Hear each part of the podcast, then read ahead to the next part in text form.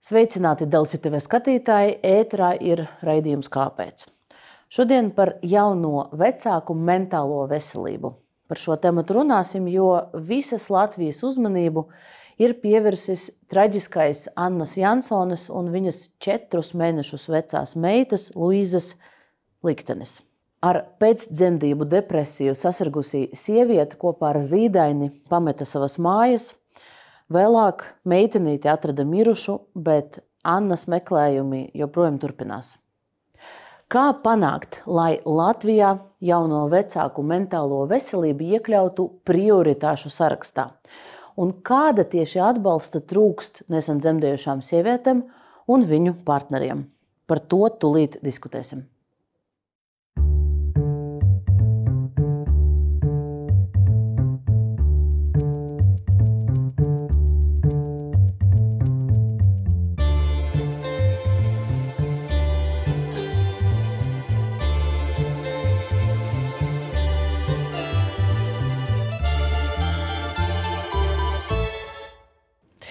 Un mēs mēģinājām šodienas studijas viesu sastāvu salikt tā, lai būtu pārstāvēta katra speciālistu grupa, kontaktā ar kuru pirms dzemdībām vai arī pēc nonāk jaunie vecāki. Un, protams, arī valsts pārstāvji, kuri par šo procesu atbild no tādas sistēmiskas puses.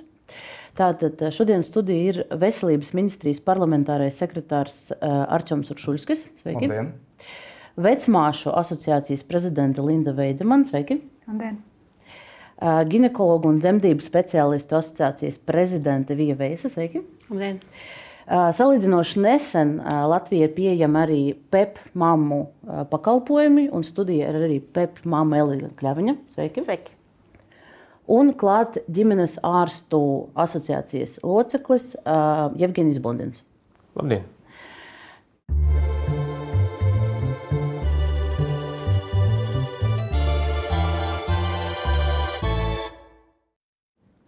Garīgas veselības traucējumi pēc bērna piedzimšanas nemaz nav reta parādība. Pēcdzemdību depresija var skart katru desmito jauno māmiņu un arī katru desmito tēvu. Bet kopumā, protams, jārunā ne tikai par depresiju, ir arī citi traucējumi, piemēram, pēcdzemdību psihozi, ir trauksmes traucējumi. Un varbūt es gribēju sākt šo raidījumu ar sarunu, ar ievadu par to, kāpēc šī realitāte, ar kuru saskarās jaunie vecāki, un um, vai tas ir kaut kas, kas piemeklē jaunus vecākus tieši mūsdienās, jo mēs uh, pēdējās dienās diezgan daudz dzirdam komentārus par to, ka bija laiki, kad dzīve bija grūtāka, uh, nebija veļas mašīnu, trauku mazgājumu mašīnu, boltu kurjeru un tā tālāk. Un tolaik eh, nekādu to depresiju nebija. Tā, tā mēs šobrīd lasām un dzirdam arī sociālajos tīklos. Arī dzīvē šādi komentāri ir novērojami. Tāpēc es laikam sākumā gribēju eh, gan, gan no vecāku puses, gan no vecmāšu puses pajautāt, nu, kāpēc tas notiek, eh, kādi ir iemesli un, un, un kāpēc dažreiz ir tik traģiskas sekas. Pirmais, jā. Tātad bērna piedzimšana neatkarīgi, kurā gadsimtā laikā vai akmens laikmatā vai esošajā laikmatā ir notikusi, ļoti būtiski ietekmē sievietes veselību kopumā. Gan fizisko, gan emocionālo. Un, un tas ir pietiekami nozīmīgs notikums, milzīga atbildība. Plus arī vispārējie procesi, kas notiek ķermenī, kas ietekmē šo emocionālo veselību. Tas neatiecas tikai uz vidi apkārt sievietei, kāda ir pieejama, nezinu, trauku mazgājuma mašīna, veļas mašīna vai vienreizējie autiņi, autiņbiksītes. Bet tas process notiek no, no visa šī neatkarīgi. Tātad pietiekami nozīmīgs emocionāls uh, emocionāla pieredze, eh, kas eh, savukārt izraisa arī visus šos emocionālos eh, traucējumus. Bet ar, to, ar to saskarās ne tikai jaunās māmiņas, bet arī tēvi. Tieši tā, tad arī tēviem jā, ir šī pēcdzemdību depresija novērojama. Jo viņi īpaši tie, kas ir iesaistīti ļoti cieši bērnu aprūpē, un tur mainās arī hormonālais kā, tas, līdzsvars, ja tā varētu teikt, ķermenī, jo ir nepieciešams, lai labi parūpētos par zīdainīti, tad ir jākļūst ļoti jūtīgam, attiecīgi samazinās testosterons un paaugstinās oksitocīns un visi tie jūtīgie hormoni, lai mēs spētu nolasīt maza bērniņa vajadzības. Un, jo viņa izdzīvošana ir tiešā veidā atkarīga no vecāku spējas par viņu parūpēties. Jā, tieši tā. Un noteikti, ka kaut kādu lomu, ja mēs skatāmies un runājam par to, ka kādreiz tā nebija, noteikti savu lomu spēlē tas, ka mēs visi zinām, ka mēs šobrīd mūsu dzīve, mūsu pasaule ir daudz ātrāka, ko es novēroju pie saviem pacientiem, ka viņi, viņas ļoti pārdzīvo, ka viņas varbūt nespēja tik ātri atgriezties tajā vidē, pasaulē, kura, kurā viņas bija pirms bērniņa piedzimšanas un apkārt daudz kas notiek, un viņas izkrīt no tās aprits. Tas ir eh, noteikti arī viens no faktoriem, kas, eh, kas nepalīdz. Un, eh, ja tā vispār vēsturiski skatās, un arī varbūt ir tādas valstis, kur mazāk ar šo sastopās, kur um, ir ģimene vairāk un sabiedrība vairāk iesaistīta šajā pēcdzemdību palīdzības sniegšanā sievietei, ģimenei. Uh, Mēs, latvieši, vispār esam vairāk tādi vienpaši un ļoti labi redzēt, ka ģimenes pēc dzemdībām reti kad pauž šo te, uh, saucienu vai lūgumu pēc palīdzības. Uzvāri man lūdzu uz upu, izēj pastaigāt ar ratiņiem.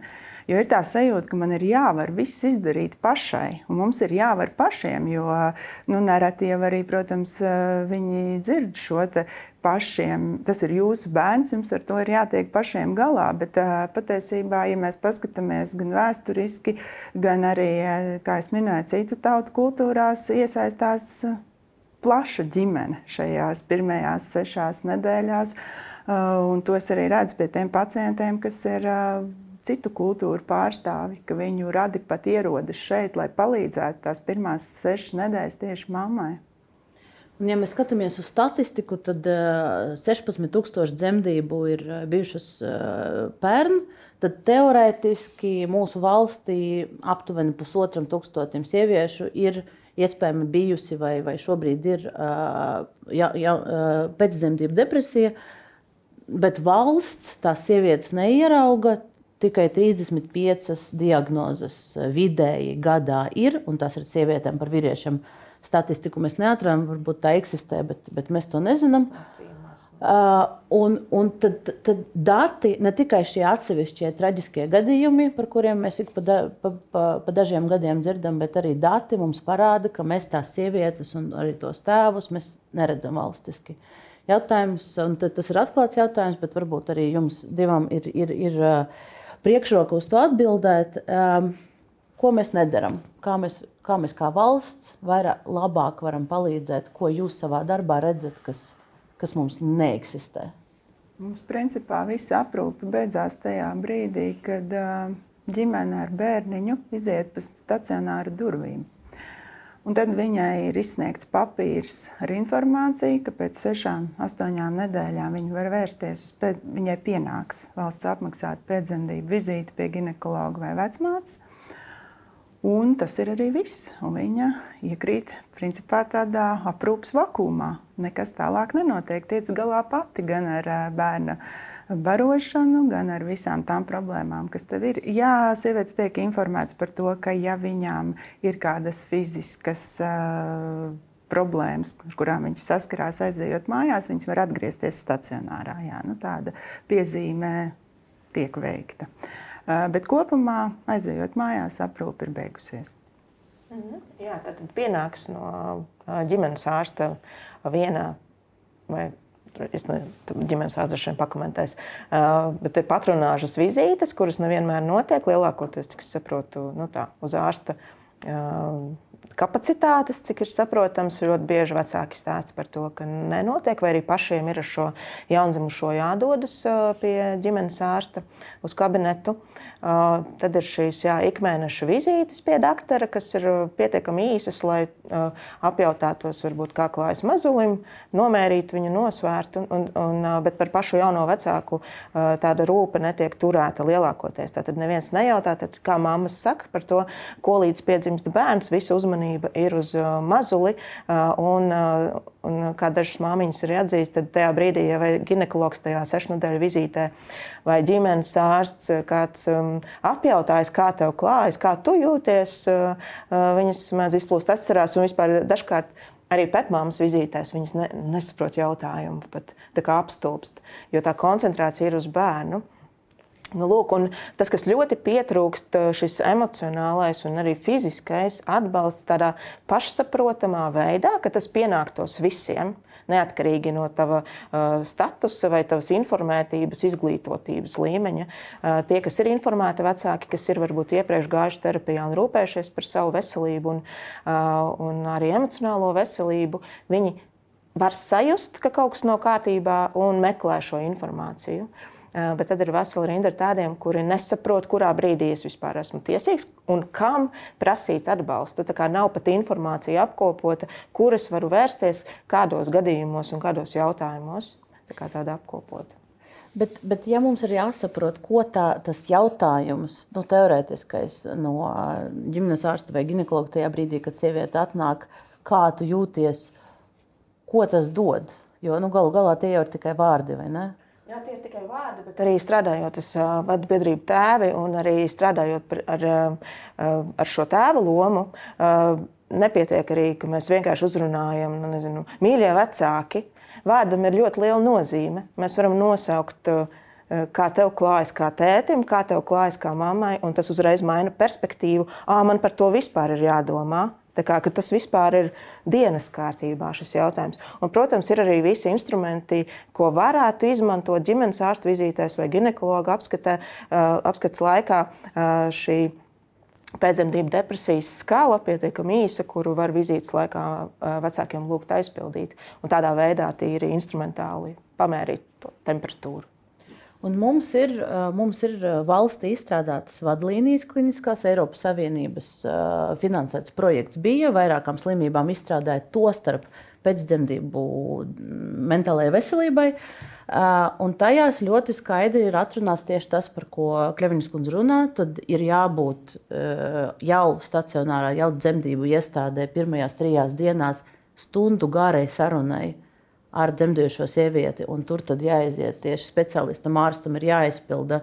Jāuzdod šie, šie depresijas, tie, tas diagnostikas tie jautājumi. Un tad katrā vizītē, kad sieviete saskarās ar kaut kādu veselības aprūpas speciālistu, pediatru, ģimenes ārstu, ginekologu, uh, Tur atkal šim speciālistam ir šie jautājumi jāuzdod. Tas ir. Uh, Bonzīnkungs nav dzirdējis par tādām vadlīnijām, vai ne? Bet ir, ir uh, slimību profilaks kontrolas centrā, ir atrodamas šīs pilnīgi oficiālas vadlīnijas. At, tad, vadlīnijas ir, bet praksē mums nu, šis viss nav. Vadlīnijas nenozīmē, ka tas ir pienākums izpildīt, tas ir rekomendācijas. Un viņi nav ieviestas praksē. Tad, tad tur bija materiāls, kur mēs drīkstam izmantot bet tas nav pienākums visiem ārstiem izpildīt. Pašlaik nav lomu sadale, ja mums turpinās šo sarunu. Otrakārt, eh, nezinu, vai jums ir bērni, esat dzemdējuši, mamma piedzemdējusi. Pirmā diena viņai ir hormonāls šoks, viņai ir bērns, un pienāk cilvēks ar anketu, kā es domāju, ko viņi tur atbildēs. Nu, tas ir praktiski neiespējams. Kas attiecas uz ģimenes ārstu, tad es teikšu, tie paši vārdi, kā jūs jūtaties, viņi daudz ko nozīmē. Jo tas parāda mātei, ka arī viņai kaut kas uh, ir jāatbild un jādomā. Protams, tas ir tālāk jautājums, cik dziļi mēs esam iegājuši. Un šeit mēs dotā brīdi koncentrējamies uz sekām.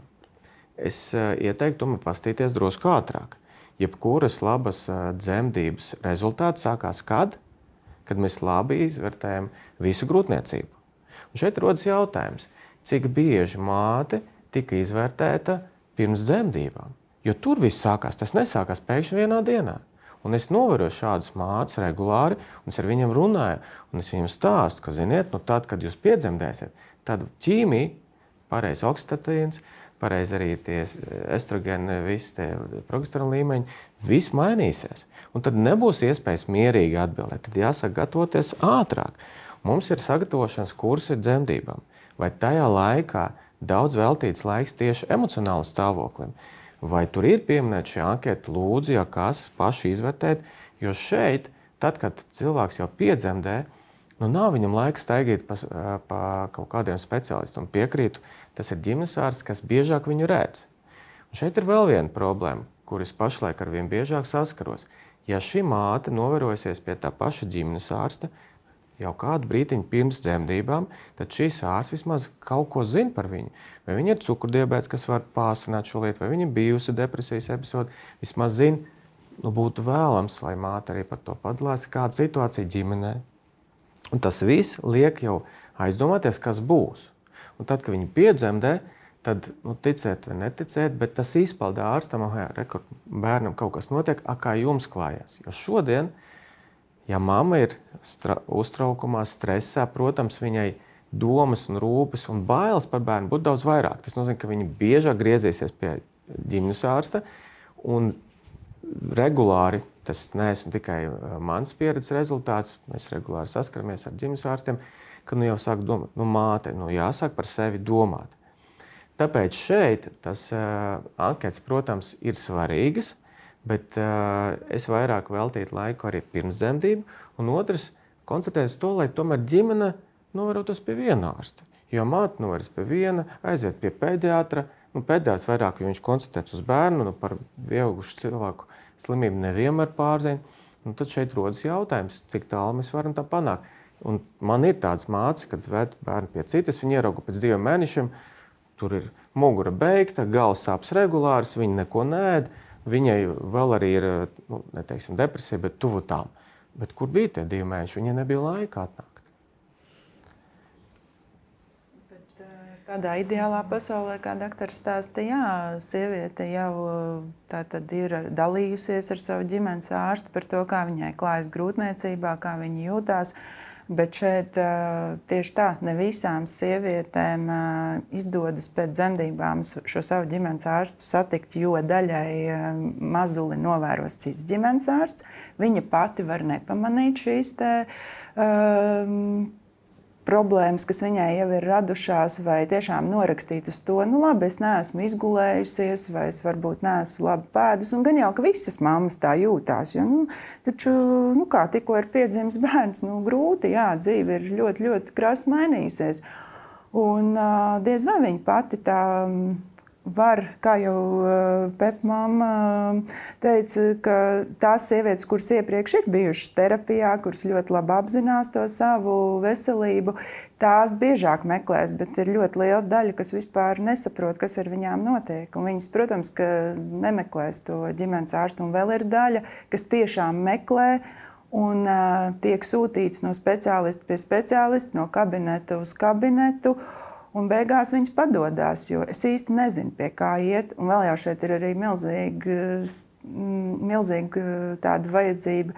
Man ir vajadzība atrast speciālistu, kuram es uzticos. Es nevaru desmit reizes pie katra nākamā stāstīt, jo man ir ļoti, ļoti grūti ar psihiskām saslimšanām. Tas nav tā, es aizgāju, pateicu, man sāp pirksts ja, pieciem speciālistiem. Tā ir daudz dziļāka, daudz sarežģītāka saruna. Un, uh, Jā, es to esmu dzirdējis no saviem pacientiem. Es, mēs Latvijas vecmāšu asociācijā arī šodien saņēmām vēstuli no vienas sievietes, kura ļoti smagi ir izdzīvojusi pēcdzemdību depresiju. Viņa ļoti sīki apraksta to, kā viņa no speciālista pie speciālista tika sūtīta. Viņai tika norādīti saraksti, kur zvanīt un tā tālāk. Un tā, ir, tā ir realitāte. Jā, tas ir tieši tā. Tad jautājums par pieejamību. Par, par pieejamību un arī uh, par to atbildību. Tātad sieviete krīzē atbild, nesaskatīs dažkārt bieži īstenībā to vajadzību pat vērsties. Un tas, kas notiek sabiedrība, mēs ļoti vēlamies veicināt šo demogrāfiju valstī, kā, lai mums vairāk dzimst bērnu. Un tajā pašā laikā, kad tas bērns beidzot ir piedzimis, ieslēdzās tā kā. Bet ko ārsti ir teikuši sievietēm, un eh, nezinu, ar ko viņi vien nesastopās. Šie speciālisti, norāda, izņemot pekmāmas, protams, jā, vai vēl citi iejūtīgi cilvēki, eh, par to, Nu, bet tu taču zināji, ka nebūs viegli. Neviens tev neteica, ka būs viegli. Un, un tev ir jāsaņemās, un tu esi māte, un tu zināsi, kā, kas tev ir labākais un kas tavam bērnam ir labākais. Un arī mums nav jā, šī kultūra, kā vispār runāt par šīm emocionālajām vajadzībām un kā uzklausīt cilvēku, kurš ir krīzē. Ja, ļoti bieži notiek apslāpēšana jau ģimenes lokā. Nomierinies, bērns ir vesels. Kas tev ir par problēmu? Saņemies taču. Ja, domā pozitīvas domiņas un, un pasmaidi. Jā, ļoti, ļoti izteikti tas ir mūsu sabiedrībā. Tieši tas jātiek pašai galā. Un tad, kad tu esi māte, tu zini, un tev ir jāvar.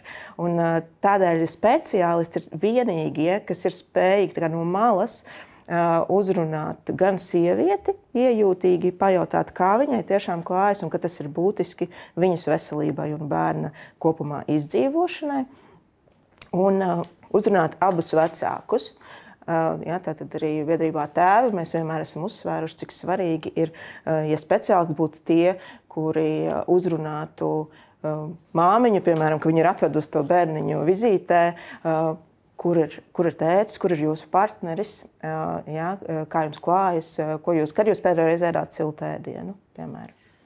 Nu, tad, tad, tad, laikam, mums jāiesaist arī, arī Veiskundze gan SPKC vadlīnijās, gan arī tajā, ko Kremins kundze saka, ļoti būtiska ir gan ģimenes ārstu, gan, gan ginekologa loma. Un no, no tām pieredzēm, ko mēs arī gatavojoties šim raidījumam, bijām apkopojušas un uzstāvējušas cilvēkiem, gan, gan redakcijā, gan, gan apkārt pazīstamiem, ir atsevišķas pieredzes, kur tiešām arī ginekologs tajā sešu nedēļu vizītē pajautā, kā tu jūties, kā tev iet, kā tavs partneris, kā tavas attiecības, vai tu guli Bet lielākoties nu, viss ir tikai visu un ap fizioloģiju. Nu, jā, es domāju, ka tur skaidrojumi droši vien ir dažādi, bet tiešām nu, šie SPKC algoritmi ir un viņi ir saistoši. Viņi ir, ir bijusi arī apmācība speciālistiem par, par, par šīm psihoemocionāliem sarežģījumiem, kā jautāt, kā lietot šīs pēcdzemdību un trauksmes skalas skrīningos. Bet, protams, ka nu, tajā kabinetā un tajā konsultācijā mēs klāt neesam. Bet arī tad ir jautājums, cik laika mums ir šai sievietei un par ko visu mums ir jāspēj runāt. Ja? Nu, skaidrs, ka es domāju, ka tā lielākā saruna arī par tādu um, iepriekšēju pieredzi, kas sievietei ir bijušas psihiskām saslimšanām vai, vai kaut vai pēcdzemdību depresijām iepriekš, visdrīzāk ir tajā pirmajā vizītē, jo tas ir tāds brīdis, kad nu, speciālists faktiski jau domās, ieliek šo sievieti nu, kaut kādās konkrētās riska grupās. Un skaidrs, ka, ja tur ir bijušas iepriekšējas, iepriekšējas pieredzes ar, ar psihiskiem traucējumiem, tad nu, pie šiem jautājumiem visdrīzāk viņi pieskarsies arī vēlāk. Bet tas ministru kabineta noteikumos nav atrunāts, ka būtu obligāti jāaizpilda skala Ja katrā vizītē vai katrā noteiktā vizītē, jā, šis algoritms ir saistošs, jā, tā vajadzētu darīt, bet nu, es tiešām arī nu, tās māmu pieredzes droši vien arī liecina par to, kā tā realitāte notiek. Tas ir tas, ko nu, mēs no savas puses noteikti varam stimulēt un veicināt, lai tas ir katrā dokumentācijā aizpildīts. Bet problēma ir laika trūkums, izpratnes trūkums, zināšanu trūkums. Kas, es domāju, ka tas kas, nav kas zināšanu aptur? trūkums, jo tāpēc, eh, nu, faktiski viens no pirmajiem jautājumiem, kad jūs jautājat, cik sen ir šādas pēcdzemdību depresijas, protams, ka tas ir sen kā pasaule, kopš sievietes dzemdē. Līdz ar to mēs par to mācāmies jau esot studijā studenti jau mācoties rezidentūrā, tā tad arī tālāk izglītībā šajos eh, kursos, eh, algoritmu reālajā izpildē. Ja? Eh, es nedomāju, ka tas ir zināšanu trūkums. Es domāju, ka tas drīzāk dažreiz tiešām ir laika trūkums, jo nu, tajā brīdī īpaši, ka tur ir sarežģījumi kaut kādi, kas vēl tiešām saistībā ir ar grūtniecību. Protams, ka lielu daļu sievietē tiek skaidrots par to, nu, ka ir bērniem vajadzīga ekstra izmeklēšana, ka ir nu, vajadzīgs eh, teiksim, nokļūt pie kāda cita speciālista, ir cukura diabetes, piemēram, atklāts. Un lielu daļu laika tam, tam velta. Un, un jo vairāk ir cita veida sarežģījumi, jo augstākā riska grupā viņi faktiski ir, lai iekļūtu arī šajā pēcdzemdību depresijas diagnozē. Tad risinājums ir garāka vizīte, vai, vai jo, jo mums šobrīd, un tas, ko es gribētu kaut, kā, kaut kādu savu atlikumu arī skatītājiem dabūt, ir, ko mēs ar šo situāciju varam darīt. Jo mēs ik pa trījiem, četriem, pieciem gadiem dzirdam par jaunu māmiņu, kas izšķiras par visbriesmīgāko soli šajā situācijā un dažreiz arī paņem līdzi bērnu. Tad mums ir problēma Ko mēs darīsim? Nu, es domāju, ja mēs runājam par grūtniecības aprūpi, tad šīm te, uh, trauksmes un depresijas skalai viņai ir stingri jābūt tiešām lietotai. Ja? Nu, viņai ir jābūt pievienotai. Nu, MK noteikumi mums eksistē, kas regulē grūtnieču un dzemdību aprūpi. Tad tur šobrīd tāds punkts nav, ja, ka tur ir jābūt izpildītai skalai. Uh, nu, tad, tad tas ir viens veids, jo ir noteikti dokumentācija, kas vadot grūtniecību, ir jāaizpild, kur ir jābūt izskaidrotiem noteiktiem, noteiktām lietām sievietei. Nu, tā tad, jā, nu, to var darīt. Bet es gribu, un tas ir jādara. Bet es gribu arī sacīt to, ka. Mm, Tas ir viens, protams, dzemdību speciālists vecmāte ir tas, pie kā sieviete iet visbiežāk grūtniecības laikā, bet tāpat laikā, tad, kad mēs nonākam pie tās situācijas, ka tas speciālists tiešām ir vajadzīgs, nu, tas nav tik vienkārši pie viņa nokļūt. Ja? Nu, grūtniecei vajadzētu būt tā, ka viņa nedēļas, divu nedēļu laikā tiek pie speciālista. Šajā gadījumā mēs runājam par psihiatru, par psihoterapeitu, taču tā realitāte ir pavisam savādāk, ja mēs runājam par valsts apmaksātiem speciālistiem. Un grūtniece nav tā pacienta pacientu grupa, kas var gaidīt tiešām mēnešiem uz konsultāciju. Tā nepieciešamība ir ātra. Tādēļ mēs esam vairāk kārt vērsušies ministrijā šo iniciatīvu, veidot zaļo koridoru, tātad ātrāku pieejamību speciālistiem tieši grūtniecēm un mamām pēcdzemdību periodā nu, tas arī ļoti palīdzētu. Jo tas, tas stāsts ir sarakstīns ar speciālistiem, kur tad zvanīt. Ja? Nu, nu, arī, es nedomāju, ka arī tam kat, katrai vecmātei ir jānorganizē pieraksts savai pacientei pie speciālistam. Ir jābūt kaut kādā veidā, kādai kārtībai, kāds tiek regulēts un kāds izpildās. Nu, pat biežāk varbūt nevis psihiatrs, bet psihoterapeits pieejams. Nevis saraksts, kurš jau sen ir apmaksāts. Jā, jā, bet mums pašlaik ir saraksts, un man cilvēki tiešām zvanās, cīnās. Nu, tas ir tiešām nu, tas katru reizi izaicinājums. Bet, ja mēs atgriežamies, es, es, tad pienāca laiks tiešām runā, runāt ar, ar veselības ministriju un saprast, kas mums ir, kas nav un kad būs. Bet, bet ja mēs atgriežamies nu, īsi pie ģimenes ārstiem, tad uh, jūs teicāt, ka tās par tām vadlīnijām jūs nezinājāt, ka tādas ir. Bet, uh, bet ja mēs runājam par praksi, nu, piemēram, jūsu praksē, kad uh, atnāk pēcdzemdību periodā sieviete Jūs, jums ir sistēma, jūs prasat par, par, par jūtām, emocijām un to. Pašlaik par vadlīnijām to zina. Vienkārši gribēju pieminēt, ka tas nav obligāti, un katrs ģimenes ārsts atkarībā no vajadzības to arī izmanto. Bet kā jūs to organizējat? Tad pašlaik ar asociāciju sen jau vairākus gadus, 2018. gada vismaz ir izstrādāts anketas, kuras arī biežāk izmanto ģimenes ārsti, kad vērtē bērnu. Tur vienmēr ir jautājums arī par māmu. Nu, tas arī ļoti atvieglo vispār apskati. Tad nav katru reizi jāraksta ar roku, un tur ķeksīs liek, un re, kur vēl viens jautājums. Tas palīdz atbildēt. Otrakārt, kā nu, organizēt. Tas neizmanto, vai ne? Nu, tas arī nav obligāti, jo tā kā MK noteikums pagaidām mums ir brīvis. Ja? Bet bez MK noteikumiem. MK noteikumu tulīt mēs, mēs līdz tam tiksim galā. Jautājums ir, ka ir, ir, ir ģimenes ārstu asociācija. Jo. Vai iekšēji jūs varat nu, šo jautājumu virzīt nu. stingrāk, lai visi izmanto šo anketu, lai tas ir obligāti, lai tas ir teiksim, nu, profesionālas kvalifikācijas jautājums. Ir Latvijas ārstu asociācija, kur šo jautājumu var celt. Nu, redziet, nav tādam juridiskam spēkam, lai piespiestu obligāti lietot. Mēs rekomendējam, tāpat arī, kā teica, ir ginekologi, kas rekomendē, bet, protams, uh, ja mēs paskatāmies pēc visiem punktiem, kāds ģimensārsts var drusku savādāk to darīt. Ja. Bet pārsvarā, cik es arī jaunie ārsti, kas pašlaik pabeidz, jo mums arī pašlaik eh, notiek paudžu maiņa, kas arī pareizi pieminēja, ka ir pieņemts, ka visiem jātiek pašiem.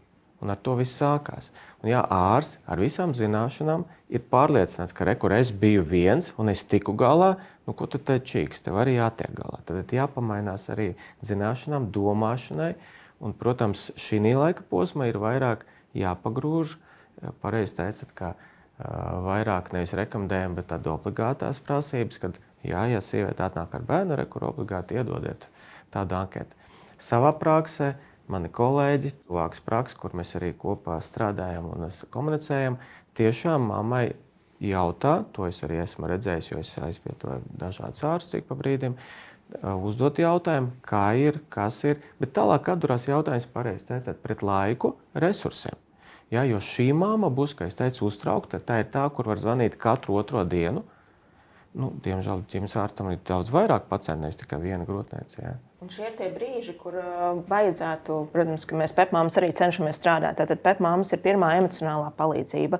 Tas ir, tā ir atbalsta, emocionāla atbalsta persona vecākiem ar bērniem no dzimšanas līdz trīs gadu vecumam. Un, uh, mēs cenšamies sasniegt, protams, gan ģimenes ārstu, gan esam pie vecmātēm gājuši nezinu, par ginekologiem. Bet, nu, šīs informēšanas mēs cenšamies veikt savos kā, ietvaros, cik mums tas ir iespējams. Tāpat ir arī dūles, kas šobrīd arī transformējas uz šīm pēcdzemdību pēcdzemdību dūlām, kas varētu nosakt šo pēcdzemdību laiku, kas ir līdz šīm nu, piemēram, sešām nedēļām vai tiem uh, pirmiem trīs bērna dzīves mēnešiem, uh, kur ģimenes ārsti varētu virzīt. Un es zinu, ka ģimenes ārstiem nav pirmkārt, ne viņiem ir informācija par šādām atbalsta personām.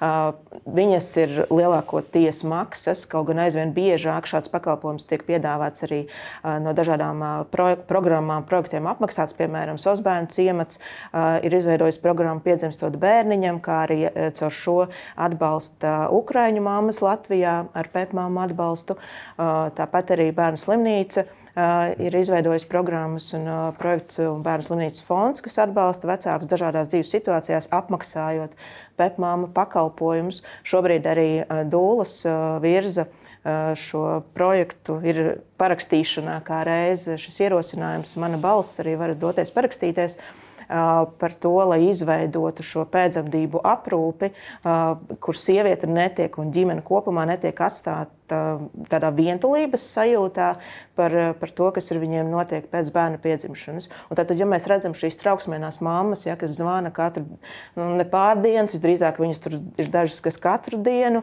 un ir ļoti nobežījušās par bērnu svaru, par ēšanu, par, par visādām pumpām un viss ir šausmīgi, šausmīgi. Tajā brīdī ģimenes ārsts ir tas, kurš var iedot šo es uzklausu, es dzirdu, jā, ka tev ir šis satraukums. Tad es tev ierosinu, iedrošinu uzrunāt. Ir pepmāmas, ir, jā, ir arī atsevišķi sociālajie dienesti, kas arī šo pakalpojumu apmaksā, ja mammai tas ir nepieciešams. Nu, Protams, redzēt šo uztraukumu Jā. un pārlieku lielu bažīšanos kā simptomu. Simptomi, tieši tā. Un, Šeit pie jautājuma, ko darīt, varu arī aktualizēt to, ko Vecmāšu asociācija ir darījusi. 21. gadā arī sadarbībā ar Rīgas Stradiņu universitāti.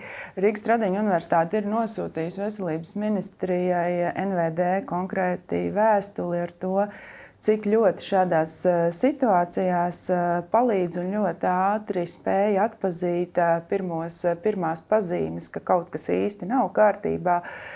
Vai mamma, tas, tas nenozīmē tikai par psihoemocionālo stāvokli, bet arī to, ka varbūt mamma nespēja īsti parūpēties par mazuli un viņai ir vajadzīgs vairāk atbalsts nosūtījusi tātad vēstuli ar daudziem pasaules pētījumiem, kas runā par to, kā uh, pasaulē šī, šī lieta tiek risināta caur četrām, piecām vecmāšu mājas vizītēm pie ģimenēm. Tāda praksa ir daudzās valstīs, īpaši Skandināvijā. Um, Nīderlandē ir mazliet cits koncepts. Tur tā neskaitās vecmāte, bet speciāli apmācīti speciālisti.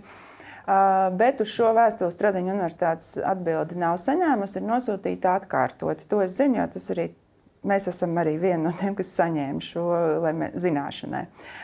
Tāpat asociācija ir vērsusies vairāk kārt arī veselības ministrijā, rosinot šīs mājvizītes, un arī ginekologu asociācijā, kad mums bija tikšanās, tad ginekologi īpaši strādā Jā, Stradiņas slimnīcas ārsti uzdeva tieši mūsu asociācijai jautājumu, kad beidzot būs sakārtot šī lieta un vecmāts dosies mājvizītēs. Uz to mēs nevaram atbildēt, jo nav finansējuma, nav, te, nav, nav šī lieta sakārtota.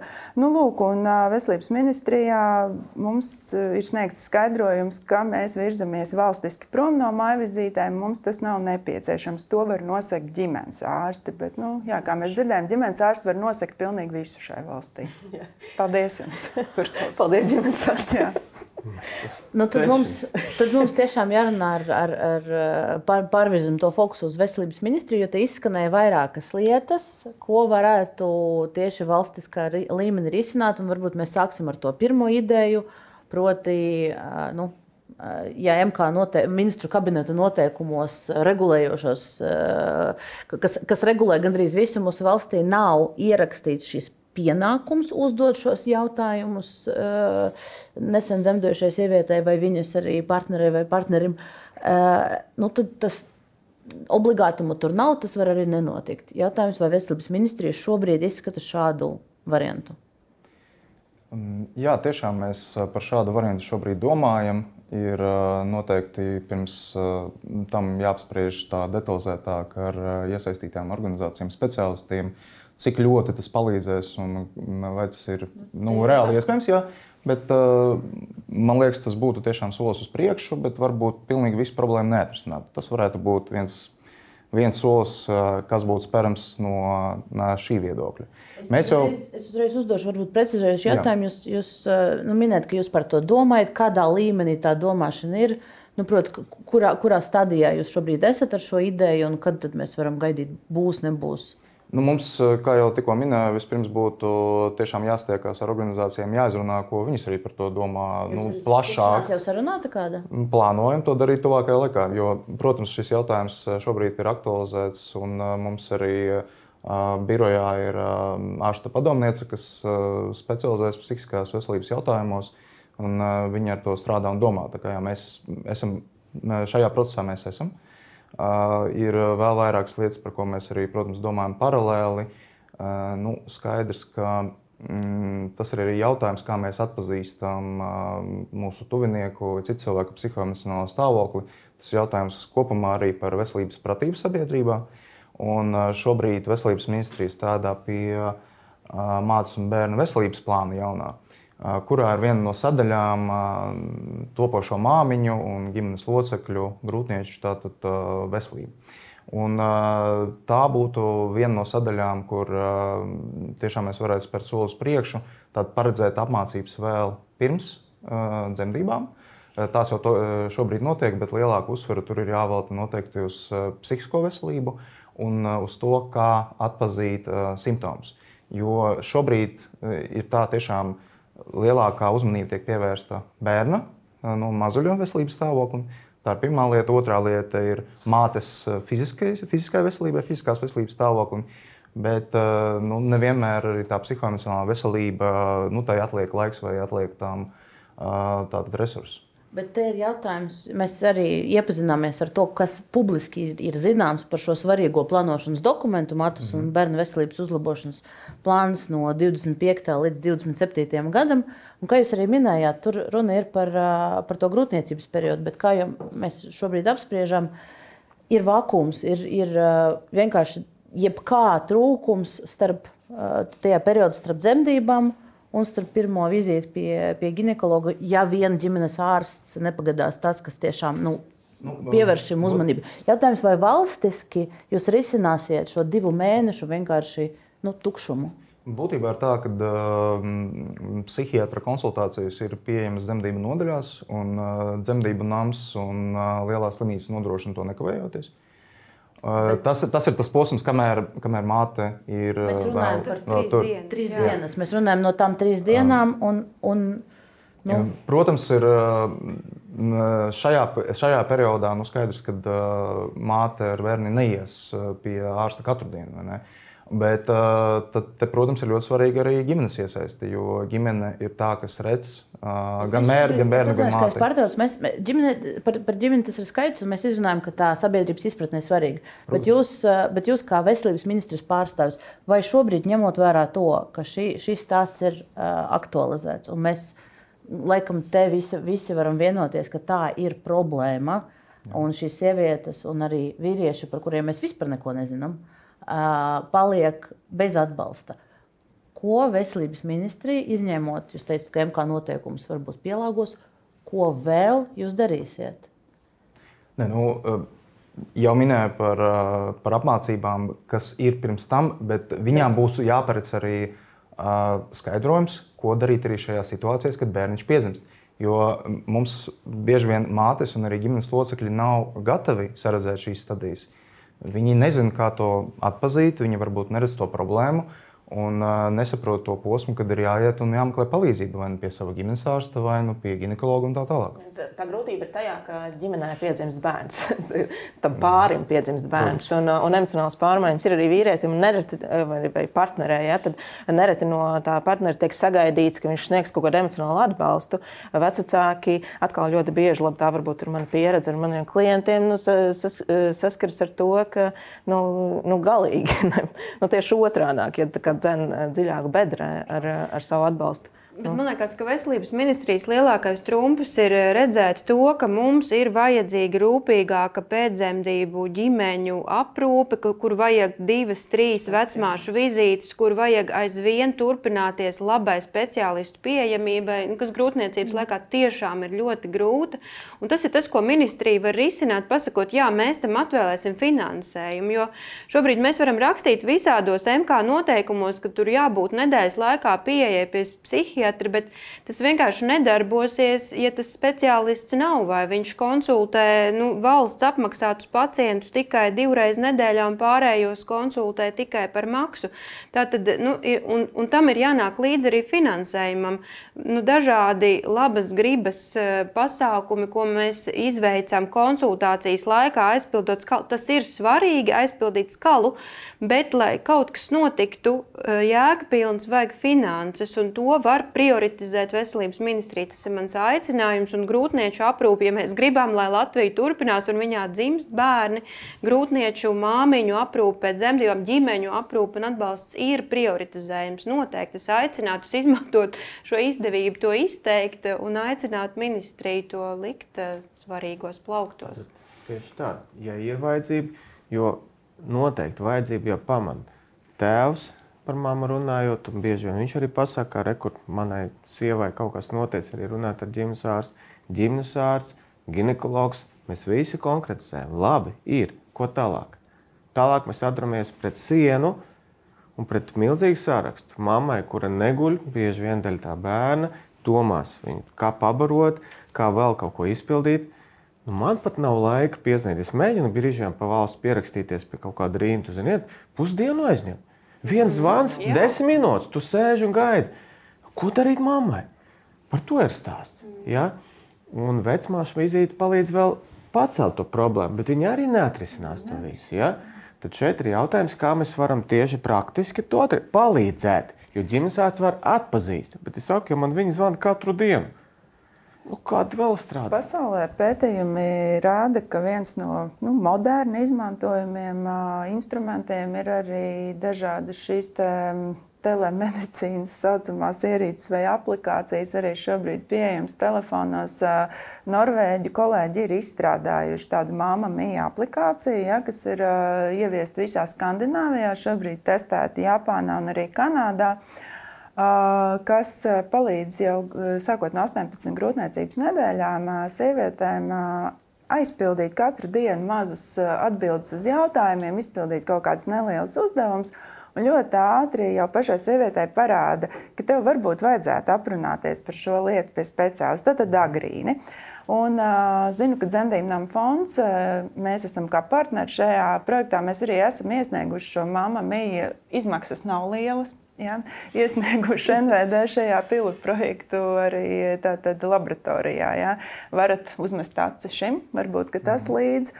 Un, jā, un arī, protams, ka, kā jau teicu, šīs ir tās reizes, kad uh, ir ļoti svarīgi, ka sievietei ir tā vismaz viena persona, kam viņi var uzticēties. Un arī ir forši, ka droši vien ka ārsts piekritīs, ka mēs labāk atpazīstam un labāk redzam problēmu, tad, ja mēs ar šo ģimeni, ar cilvēku esam ilgstoši saskarsmē, ne? nevis vienā pirmajā vizītē. Varbūt, kad jau ir ļoti slikti, arī pirmajā. Uh, nu tad, mēs arī kā vienu no risinājumiem piedāvājam šo mēģināt lēnām ieviest tieši grūtnieču un ģimeņa aprūpē to nepārtrauktību. Ja, tomēr nav tā, ka gāju uzskaitē pie viena, dzemdēju pie otra, pēcdzemdībās vispār nav neviena vai varbūt vēl ir trešais. Ja.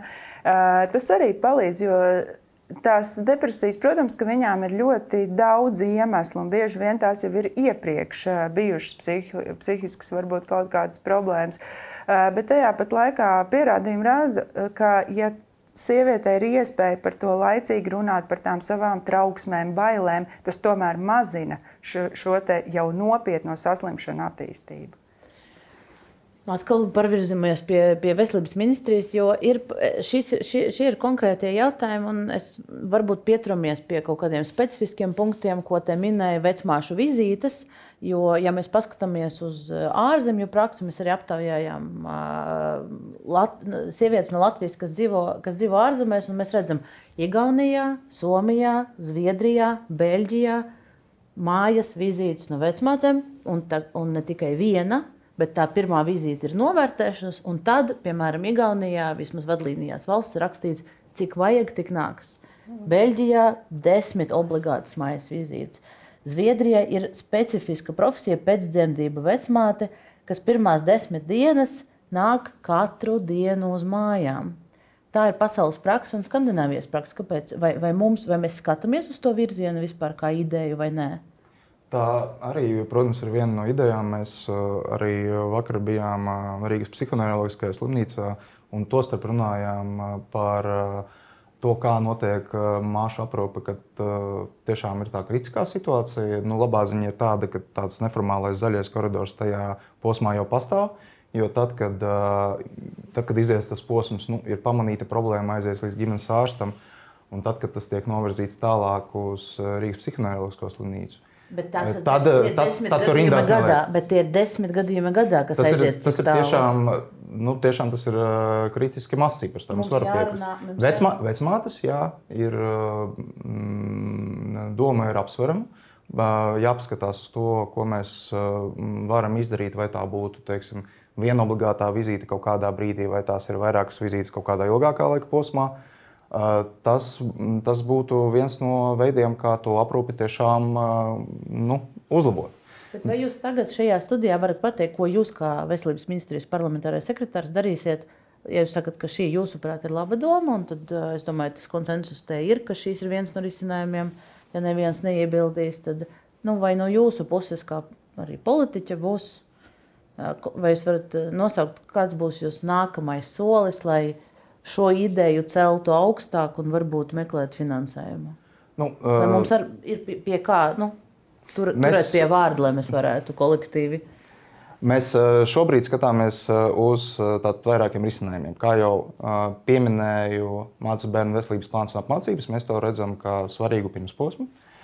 Tad mēs otrā lieta visās mūsu sarunās, arī nākotnē, ko mēs vedam ar ģimenes ārstiem un iesaistītām personām, uh, aktualizēsim jautājumu arī par psihisko veselību. MK noteikumi noteikti atbalstāma lieta. Runājot par vecmātēm, nu, tur mums ir arī mazliet iekšēnē jāpaskatās, tiešām jāapmeklē finansējums. Ja mēs saprotam, ka mēs to finansējumu varam atrast, tas būs nākamais posms, jo, protams, bez, bez tā pieejamā finansējuma apsolīt mēs nevaram.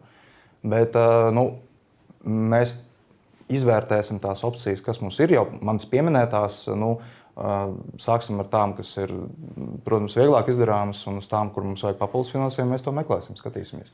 Vajadzības veselības aprūpē ir ļoti daudz, un līdz ar to mēs ar to pieejamo finansējumu, protams, nevaram atrisināt visu un katru problēmu.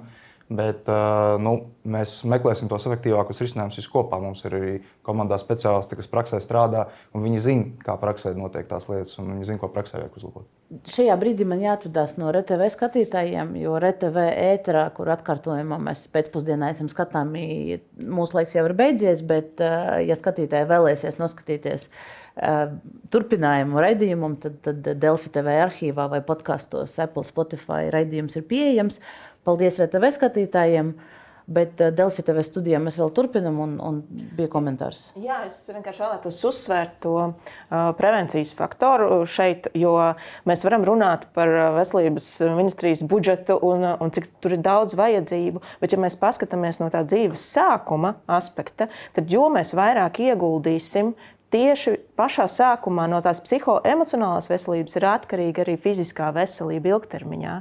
Ja, tātad, eh, cik labi vecāki spēs parūpēties par saviem bērniem un par sevi, attiecīgi mēs samazinām to spiedienu uz ģimenes ārsta laiku, uz, eh, uz citiem speciālistiem, neiroloģi, fizioterapeiti, kas fizioterapeitiem vajadzētu būt starp citu vairāk, ja, bet eh, kur mammas un vecāki kopumā dodas čekot, kas nav kārtībā. Es slikti jūtos, man droši vien ar bērnu kaut kas nav kārtībā. Un viņi skrien pie speciālistiem, taisa rindas. Jā, tērē savus līdzekļus. Finansiāli mums ir vienkārši jāmaina domāšana uz to, kur ir tiešām kritiski svarīgi šobrīd ieguldīt to finansējumu, lai mēs sniegtu praktisku atbalstu visiem vecākiem. Viņi diemžēl samazinās ar katru gadu mums tā dzimstība, ja, un, un viņi samazināsies arī uz šī rēķina. Tas arī ir pierādīts vairākos tā tādos aptaujās sabiedrības, kur vecāki atzīst, ka viņi nedomā par vairāk bērniem tieši dēļ šī psihoemocionālā stāvokļa kas, kas viņus sagaida. Tā vienkārši tas arī vēl pamudinājums. Un, un tad stingrāk, es domāju, ka mums ir noteikti jāskatās praktiski, jāfinansē visi šie nepieciešamie speciālisti un, un jāiegulda viņu arī sagatavošanā. Jo tas, ko maksā dūles, pepmāmas par savu izglītību, lai sniegtu šo emocionālu atbalstu, tas ir tikai mūsu jā, dzīves aicinājums un mūsu ieguldījums. Bet uh, tam ir jābūt valsts noteiktam, uh, plus jāizmanto tas, kas tiešām ka tās iestrādes jau mums šobrīd ir Latvijā. Bet, bet jūsu piedāvātais variants ir, tad uh, valsts, nu, ja mēs tā mēģinām to, to konkretizēt, tad tā būtu pašvaldības vai valsts apmaksāta pepmāma, vai ne? Nu, tā es to nolasu. Tā pēdzem, piemēram, kas ir šī pēdzemdība. Dūla, pepmāmas arī nosedz šo laiku, bet tieši tas, kas ir tad, šis Nīderlandes ja, vai, vai Zviedrijas variants, kur ir šī praktiskā, nepārtrauktā secība, kur tas ir pašsaprotami, ka pie tevis nāk uz mājām, ka nav tā, ka man ir jālūdz. Māma nezvanīs, mēs nesaņemam, nenokļūst viņas pat psihoneiroloģiskajā slimnīcā, tādēļ, ka viņas tajā sastingumā viņas izdzīvo to posmu, tādas viņas aiziet pēc tam uz darbu, un viņas tur tā arī turpinās. Tas nekur nepazūd. Šīs arī dzemdību, emocionālās traumas, pēcdzemdību, bērnu raudāšanas, viņas tajā sastingumā paliek un, un ietekmē visu bērnu bērnu dzīvi e, un sievietes e, dzīves un ģimenes dzīves kvalitāti kopumā. Nu, ja mums runā no finansiāla aspekta, es pilnīgi piekrītu. Jo šeit ir, tu vari salīdzināt ar mašīnu. Ja jūs neieguldāt remontā, tad īstenībā jūsu mašīna agri vai vēl sabrūk. Šeit, ja mēs neieguldām mātes veselībā pašā sākumā, tad pilnīgi pareizi. Tas mācis pieprasa bērnu izmeklēšanu, biežāk uz slimnīcām brauc. Tīri tāpēc, ka viņa uztraukums un ko mums pēdējā pārmet ģimenes ārstiem, ka mēs ne, neskatāmies bērnus, nu tā nav. Māma vienkārši ir trauksmē. Vienkārši, ja kas, viņa skrien uz slimnīcu. Nu, slimnīca viņa, protams, atbalsta, ka jā, jūs pareizi atbraucat, jums jābrauc jā, pie pēdējiem, jo, redziet, ģimenes ārsts jūs nenovērt. Bet šeit ir jautājums par resursiem, kur tā māte spētu griezties, ar atvērtām durvīm, nevis caur uh, mežu izskrējot un meklējot to īsto cēliņu, tad at, uh, skaidrs ceļš, vai psihiatrs, vai psihoterapeits, vai atbalsta grupas, vai vecmāts, tad tas viss prasa resursus un skaidru domu. Ja mēs ieguldīsim, tad mēs tiešām vismaz no pediatrijas uh, finansiāla puses mēs noteikti ekonomēsim. Tas nebūs šodien. Bet pēc dažiem gadiem noteikti mēs to redzam. Tā domāšanai ir jābūt tādā virzienā, ka, un nevis kur mātei griezties, Bet kas viņai pienākas un ko viņa saņem? Nevis, kur viņa, viņa nemeklēs. Un ir vesela rinda, kuras uh, satraucās par tiem pašiem fiziskajiem visiem slimībām, un viņas nevienam nevar piezvanīt. Viņas pat pēkmammai nevar piezvanīt, vai dūlē, vai vecmātei, jo viņām liekas, ka oh, kas, kas, es to nedrīkstu, jo man jātiek galā, man jāsaprot. Bet šausmas. Tā ir vispār tāda psihoemocionālās veselības uh, problēma, ka šie jautājumi bieži vien mūsu sabiedrībā ir stigmatizēti. Par to ir grūti runāt, par to ir grūti runāt nerad speciālistam pēkšņi paprasīt šai saulēnajai, superskaistajai grūtniecei nu, um, kaut kādas atkarības jautājumus, piemēram, par smēķēšanu, alkoholu vai depresijām, vēšanas traucējumiem. Un arī pašā sabiedrībā par to ir grūti runāt, un ģimenē. Un, ja ģimenē, teiksim, tā māma ar to sastopās, viņai ir grūti vispār kādam izstāstīt, ka viņai ir emocionāli slikti un kā to ņem pretī pārējie ģimenes locekļi. Un tad ir arī jautājums, kā izturās pret ārstēšanu. Jo nereti, ok, tas sieviete ir tikusi pie ārsta, viņai nozīmē terapiju, un tur atkal sākās tas, neko taču nedrīkst lietot, jo tā ir grūtniece, drīkst lietot tikai jūras ūdeni degunā, un, un viss. Un atkal tas ir sabiedrības informētības un izglītības jautājums. Tā ir veselības pratība arī šādā psihoemocionālās veselības aspektā. Un tur ir par to ir jārunā, jārunā. Bija tāds brīnišķīgs projekts, viss ir norma, man liekas, par psihoemocionālo veselību, lai, lai, lai atlaidinātu ledu. Ja? Un, un tas ir jāturpinās. Tam ir nu, šai profilaksē ir jābūt veltītiem līdzekļiem arī no veselības ministrijas puses, jo tas ietaupīs daudz lielākus resursus. Mēs arī plānojam ieguldīt lielākus līdzekļus tieši veselības profilaksē un veselības pratībā. Tiešām šī izpratne sabiedrībā kopumā, mūsuprāt, ir diezgan zemā līmenī. Bieži novērojam arī praksē situācijas, kad jau uzsāktas terapijas laikā ģimenes locekļi atrunā, turpināt, pasaka kaut ko ļoti elementāru, nu, ko tur tu tās tabletes dzersi vai ko tu ies pie psihiatra, nu, tās ir muļķības. Nu, tieši tā pasmaida izēja ārā biežāk, un tas tev palīdzēs. Nu, tādā primitīvā līmenī tas tiešām arī notiek, diemžēl, bieži vien. Bet jūs šobrīd, es gribu atgriezties pie tās konkrētas, es saprotu, ka šis temats tagad no jauna nu, nesen ir pacelts un, un visos līmeņos politiski vēl nav izskatīts. Bet, eh, vai jums ir iespēja iedot kaut, kaut vai mazāku konkrētiku, ko tieši uh, darīs ministrija, lai, lai šo aktualizētu? Liekas, es... Mums ir nākamā, nu, jūs teicāt, ka mēs izskatīsim, mēs satiksimies, uh, vērtēsim un tā tālāk. Bet, Man liekas, es jau nu, es varu atkārtot. Es, es, es, nu, mana, manā izpratnē par, tas tas, tas konkrētiku mēs nesagadījām. Tomēr. Mm, labi, mēģināšu, mēģinā, mēģināšu būt konkrētāks. Jā. MK noteikumi. Zaļo koridoru gribētu dzirdēt ļoti speciālistu. grūtniecē. MK, MK noteikumi ļoti konkrēti, pie tā strādāsim. Nauda? Uh, naudu noteikti es konkrēti šajā studijā apsolīt nevaru, jo jūs ļoti precīzi pateicāt, mēs tikko sākām apzināt šīs lietas. Mēs plānojam ieguldīt vairāk naudas veselības pratībā. Mēs strādājam ar mācu un bērnu veselību. Jums, nu, tas, tas, kas te ļoti konkrēti izskanēja, palīdzība, grūtniecības aprūpe. Ne tikai par psihiatriem runājot, vispār par virkni speciālistu, kuri reizēm izmisums ar pieejamību. Tiešām. Jā, to mēs arī dzirdam par, par zaļā koridoru nepieciešamību. Skatīsimies, vai mēs reāli arī to varam izdarīt, jo, protams, Eh, te nav tikai nauda, te ir arī resursu pieejamība. Nu, nav noslēpums, ka mums arī tīri fiziski trūkst eh, speciālistu daudzās jomās, eh, tīpaši valsts apmaksātā pusē. Un, uh, mēs jau šajā budžetā paredzējām uh, ļoti daudzām lietām, piemēram, palielināt tarifus, tīri palielinot to pieejamību. Un tas ir viens no tiem soļiem, ko mēs arī praktiski ejam. Nu, Piemēram, uh, un bērnu veselībā šogad tas ir uh, īpaši fokus uz bērnu zobārstniecību, kur ieguldīti 10 miljoni. Un, protams, arī turpmāk mums ir arī neliela rezerve, ar ko mēs varam palperēt jau šogad. Nu, skatīsimies uz tām akūtākajām vajadzībām un uh, palielināsim to pieejamību arī tādā veidā. Jo, protams, tas, tas, kas oficiāli izskan no veselības ministrijas, gan arī citos reģionos, arī no veselības ministra, ir nevis par pieejamības. Uh, palielināšana, bet vienkārši esošā līmeņa noturēšana. Tur aizies tas papildu finansējums. Arī tam, arī tam, protams, jo daudzās jomās tur ir tiešām jāizlāpa tie caurumi. Uh, runājot par finansējumu, protams, visur viņš ir vajadzīgs veselībā. Par to vispār nav jautājumu.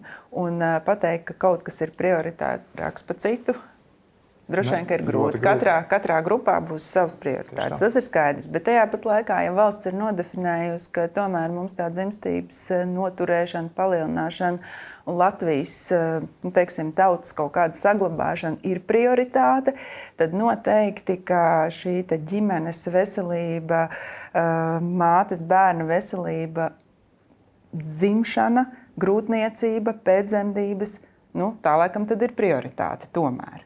Bet jūs tajā pat laikā sakat, ka finansējums, finansējumu būs grūti apsolīt un tā tālāk. Nu, to var, protams, saprast. Visi velk to deķu uz savu pusi. Bet, ja mēs skatāmies, ka valstiski tas mums ir svarīgi, nu, tad viņš ir droši vien jāmeklē. Jo patiesībā vēl viena lieta arī, kad pagājušā vasarā uh, aktualizējās tēma par vardarbību dzemdībās. Uh, Arī bija neskaitāmas diskusijas. Beigās visa apmācība, kas notika ginekologiem, vecmātēm, bija tikai pašu iniciatīva, asociācija iniciatīva, slimnīcu iniciatīva. Mēs nesagaidījām nevienu atbalstu un palīdzību no veselības ministrijas. Šeit mēs daudz runājām un diskutējām arī par atalgojumu. Latvijā dzemdību palīdzībā strādā ļoti mazs skaits speciālistu. Un arī viņiem visu laiku tiek atbildēts, ka ar tarifiem viss ir kārtībā, jūsu tarifi ir pilnīgi adekvāti, normāli. Nu, man par to ir daudz kas sakāms. Es domāju, ka tie tarifi nav adekvāti un viņi būtu pārskatāmi. Es jums piekrītu, mēs uz to skatāmies. Mēs nedomājam, ka tie tarifi ir adekvāti. Mēs skatāmies uz to, uz iespējām tos arī pacelt. Ne, ministrija uzskata, ka ir adekvāti. Pēdējā sarunā pirms mēneša veselības ministrijā mums tika norādīts, ka uh, vecmāšu darba tarifs ir ļoti labs. Un tas nav plānā pārskatīts. Es, es atvainojos, es jūs nedaudz pārpratu. Domāju, ka jūs. Mums ir ļoti labs tarifs kā vecmātēm. Paldies. Tad, tad, tad es, es, es, es, mēs dosim vārdu noteikti, bet gribētu dzirdēt atbildi. Tad, tad pārskatīts būs, nebūs. Es, es atvainojos, ja jūs mazliet pārpratu. Es domāju, jūs runājat ne, nu, plašāk, ne tikai par vecmātēm. Dzemdību es, speciālistiem. Mēs neesam jā. vienīgie. Mēs darba grupā esam kopā. Mēs bieži runājam par tarifiem. Um, šo, šo mēs izdiskutēsim, mēģināsim arī attiecīgi nu, sameklēt uh, papildus finansējumu arī šim, protams. Paldies! Mēs ļoti gaidīsim. Jūs, jūs uh, pieļaujat, ka šīs oficiālais iepriekš izskanējušais veselības ministrijas viedoklis varētu mainīties un tiešām vecmātēm ir jāpaukstina atalgojums? Um, es pieļauju, ka tas tā varētu būt. Man ir, es diemžēl nebiju tajā sarunā. Mēs pavisam nesen sākām arī darbu kopā ar ministru komandu veselības ministrijā. Uh, Tur, protams, ir nu, mazliet dziļāk jāpaskatās tieši tā problemātika un kāpēc tas, tas viedoklis ir tāds. Bet nu, mums ir skaidrs, ka ļoti daudzās, daudzos posmos veselības aprūpē tiešām ir piemības problēma. Ir arī dzene, tāpēc, ka kaut kādos posmos tā apmaksa nav pietiekama. Jā. Nu, tas ir tas, ko es faktiski gribēju pasvītrot, ka nu, tas ārstu skaits jau mums nav tik kritisks Latvijā, bet tā problēma ir, ka liela daļa strādā privātā sektorā un maza daļa par valsts apmaksu. Bet tas ir tieši saistīts ar finansējumu. Ja? Tie ir 13 eiro par vienu epizodu, ko valsts piešķir, ka šis konsultants eh, runājās ar pacienti. Tad tas ārsts nav ieinteresēts to veikt, tu mācies lielā mērā uz sava rēķina. Un, un, un tā dzīve ir tāda, ka tas, ja to var darīt privātā sektorā, virkni to izvēlas, un tas notiek un notiek. Tādēļ tas ir pašos pamatos ļoti daudz par finansējumu. Protams, Diemžēl, protams. cik garlaicīgi tas mums neliktos. Nu, tur gan jārunā arī par to, ka ja mēs apkopojam šīs sieviešu pieredzes, tur nu, tajās vismaz nu, piemēros ne, neatspoguļojas tas, ka, lūk, ja es apmeklēju ārstu, Eh, ar eh, Nacionālo veselības dienesta līdzfinansējumu, tad tur man neprasa, kā es jūtos. Bet, ja es eju privāti, uz privāto kliniku, tur man prasa. Eh, tur, tur nedz, atsevišķie privātie pediatri prasa, atsevišķie ginekologi prasa, bet tādas vispārīgās prakses, ka, ka par tavām jūtām prasa vairāk privātajā medicīnā, arī tādas nav. Tur, tur ir jārunā arī par, par, par nu, pašu ārstu pasu, pašu organizēšanos. Jā, es domāju, tas ir, tas ir tas, ar ko faktiski arī sāku to šodienas eh, atbildi uz jūsu jautājumu. Nu, noteikti ir resursi šo, šos jautājumus runāt labāk un tam pievērst vairāk uzmanību. Tieši tā kā mēs pievēršam trombožu riskiem uzmanību, pievērst arī psihoemocionālajai veselībai uzmanību. Un, un tas, nu, šis, eh, šī gatavība runāt par šiem jautājumiem, viņa viņai ir reizēm apusēji vienādi negatīva gan no pacienta, gan iespējams dažreiz arī no speciālistu puses. Nu, kā tad pajautāt? Un, un arī šī sieviete, kad viņai pajautā šo jautājumu par psiho, psihoemocionālo veselību, nereti viņa sāk stāstīt par bērnu, par, par, par visu kaut ko citu, jo arī viņa nav gatava runāt par savām emocijām. Nu, kā tad man iet? Un, Un tā ir tāda mūsu visas sabiedrības, es domāju, vajadzība arī augt, būt e, emocionāli inteliģentākiem, saprast savas sajūtas un spēt par viņām runāt arī nu, tādos tiešām sarežģītos dzīves brīžos.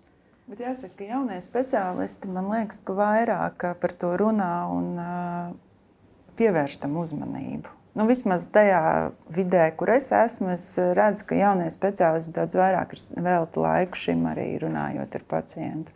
Tā kā cerība ir, ka caur to zināšanu un ar tiem jauniem speciālistiem noteikti ka, uh, tas varētu mainīties uz uh, to virzienu, kurā mēs vēlamies. Bet, nu, Tā tiešām ir taisnība, jo ar jauno speciālistu ienākšanas sistēmu arī kopējais empātijas līmenis palielinās un uzlabojas. Uh, Mēs kā sabiedrība tā pamazām maziem solīšiem esam gatavāki arī runāt un uzdot jautājumus viens otram.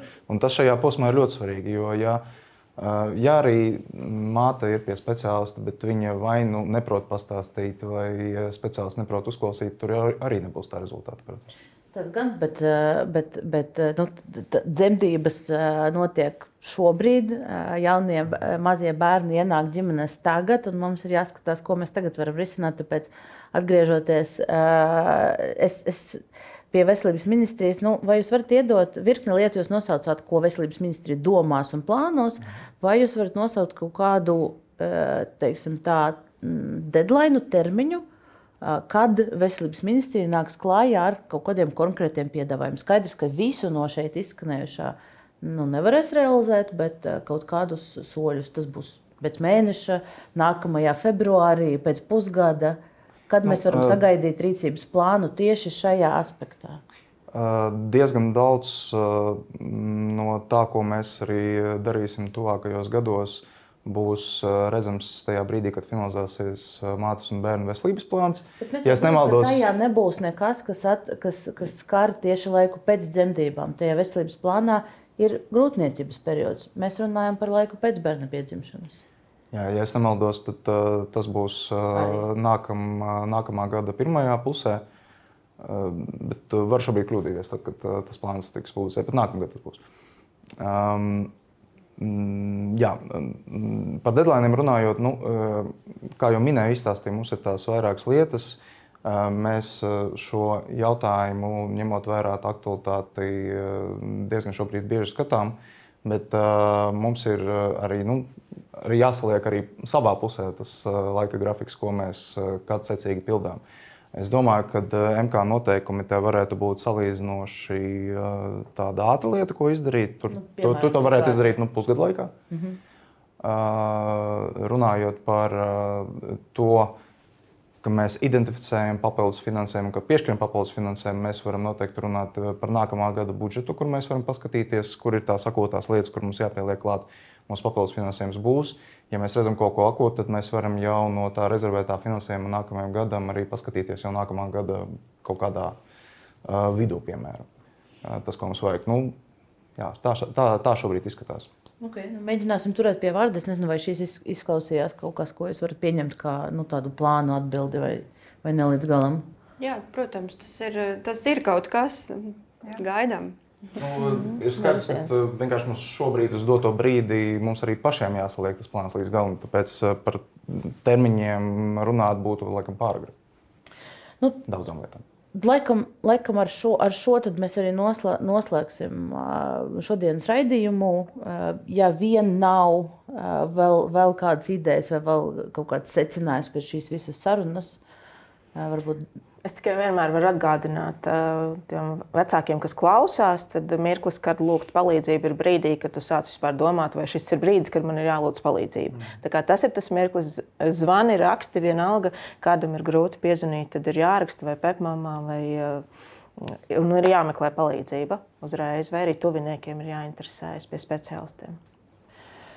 Paldies, paldies visiem klātesošiem, paldies arī skatītājiem. Es atgādinu, ka mūs var redzēt arī ne tikai Delfi TV ēterā, bet arī klausīties podkastos Spotify, Apple un citās platformās, kā arī RTV ēterā esam redzami. Paldies visiem, kas skatījās, tiem, kas dalījās ar savām pieredzēm sociālajos tīklos, kad palūdzām padalīties. Nebija iespējas specifiski citēt konkrētus stāstus, bet mēs ņemām vērā visu gatavojot šo raidījumu. Un eh, no savas puses, laikam, uz acīm gribu pateikt, ka eh, mums daudziem eh, mūsu paziņu lokā ir cilvēki, gan sievietes, gan vīrieši, kuriem nu pat ģimenē ir ienācis mazulis. Un, nu, laikam, no savas puses mēs varam viņiem arī paši satiekoties, pajautāt, kā tu jūties.